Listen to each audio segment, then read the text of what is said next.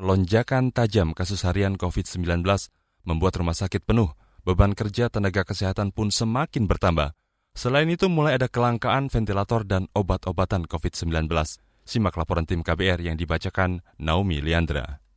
Rumah Sakit Darurat Wisma Atlet Kemayoran, Jakarta mulai kebanjiran pasien-pasien baru COVID-19.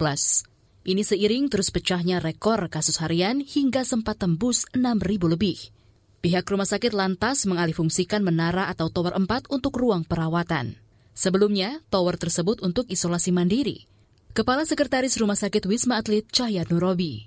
Sehingga saat ini kita menyiapkan tiga tower untuk perawatan yaitu tower 4, 6 dan 7, sedangkan tower 5 tetap digunakan untuk tower isolasi mandiri. Tenaga kesehatan di Wisma Atlet juga mulai banyak yang terpapar COVID-19.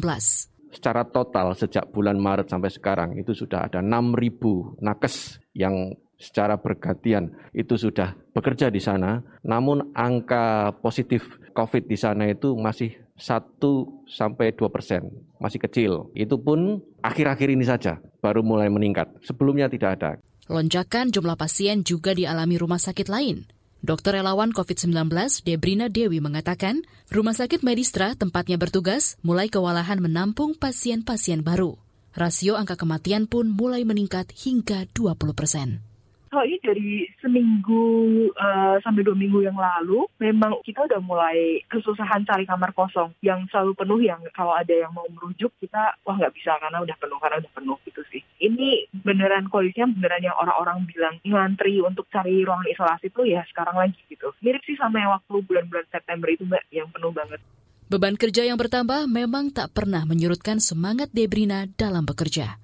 Namun, ia mulai meragukan keseriusan pemerintah untuk mengendalikan pandemi. Nggak boleh nggak boleh kewalahan ya kan? Karena udah ya udah tanggung jawab kita aja mbak. Aku rasa nggak boleh ada kata-kata nyerah dalam masa-masa seperti ini apalagi untuk tenaga medis. Emang udah tanggung jawab kita banget gitu ya apalagi di masa-masa sekarang. Udah ada tumpah udah. Kita sebagai manusia lahir harus mengerjakan ini. Cuman kita bukan kewalahan sama pandemiknya tapi kita mulai aku rasa akan normal kalau kita mulai ada mistrust atau um, kok gini sih gitu sama itu tadi aku bilang dari pihak pihak-pihak yang menurutku punya andil lebih untuk mengajak semua orang untuk tetap 3M itu, pemerintah sama media.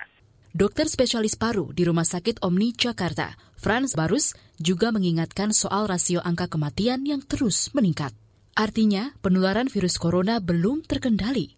Ia menyesalkan masyarakat yang abai dengan protokol kesehatan. Sebab banyak penularan berasal dari klaster keluarga atau kegiatan kerumunan pemutusan rantai penularan kita masih gagal. Makin kemari makin kita makin gagal untuk uh, berusaha memutus rantai penularan akibat pola orang timur yang suka ngumpul-ngumpul kali ya.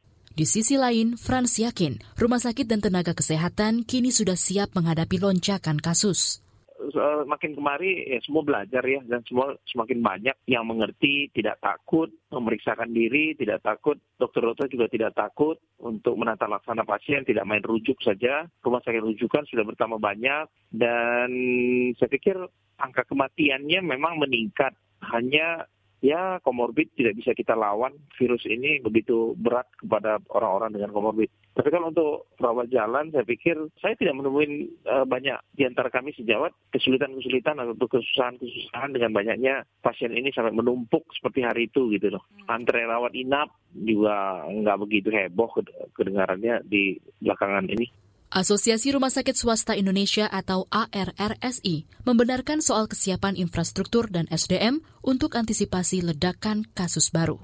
Namun, tidak demikian halnya dengan stok ventilator alat bantu pernafasan serta obat-obatan COVID-19. Sekjen ARRSI Isan Hanafi ada beberapa dinas kesehatan daerah yang menghibahkan juga beberapa alat venti, malahan ada universitas juga yang mencoba uh, membuat alat-alat ini ya, tapi memang masih perlu kita tingkatkan lagi. Mungkin yang ada khawatir yang meledak ini ya memang obat-obatan ya, tapi obat-obatan juga kita koordinasi. Ketua Ikatan Dokter Indonesia IDI, Daeng Fakih, meminta masyarakat tetap disiplin mematuhi protokol kesehatan. Pasalnya, peningkatan kasus membuat nakes makin rentan terpapar virus corona. Apalagi jumlah dokter dan perawat yang gugur terus bertambah korbannya sudah banyak nih, sudah 180 lebih, perawat juga sudah di atas 114 dan lain-lain. Kita tahu ya, petugas kesehatan itu memproduksinya tidak sebentar dan tidak murah bisa mencapai 10 sampai 15 tahun itu dokter spesialis. Jadi kalau satu meninggal itu berarti potensinya 5.000 sampai 100.000 orang itu tidak terlayani oleh dokter. Itu sayang sekali. Demikian laporan tim KBR, saya Naomi Liandra.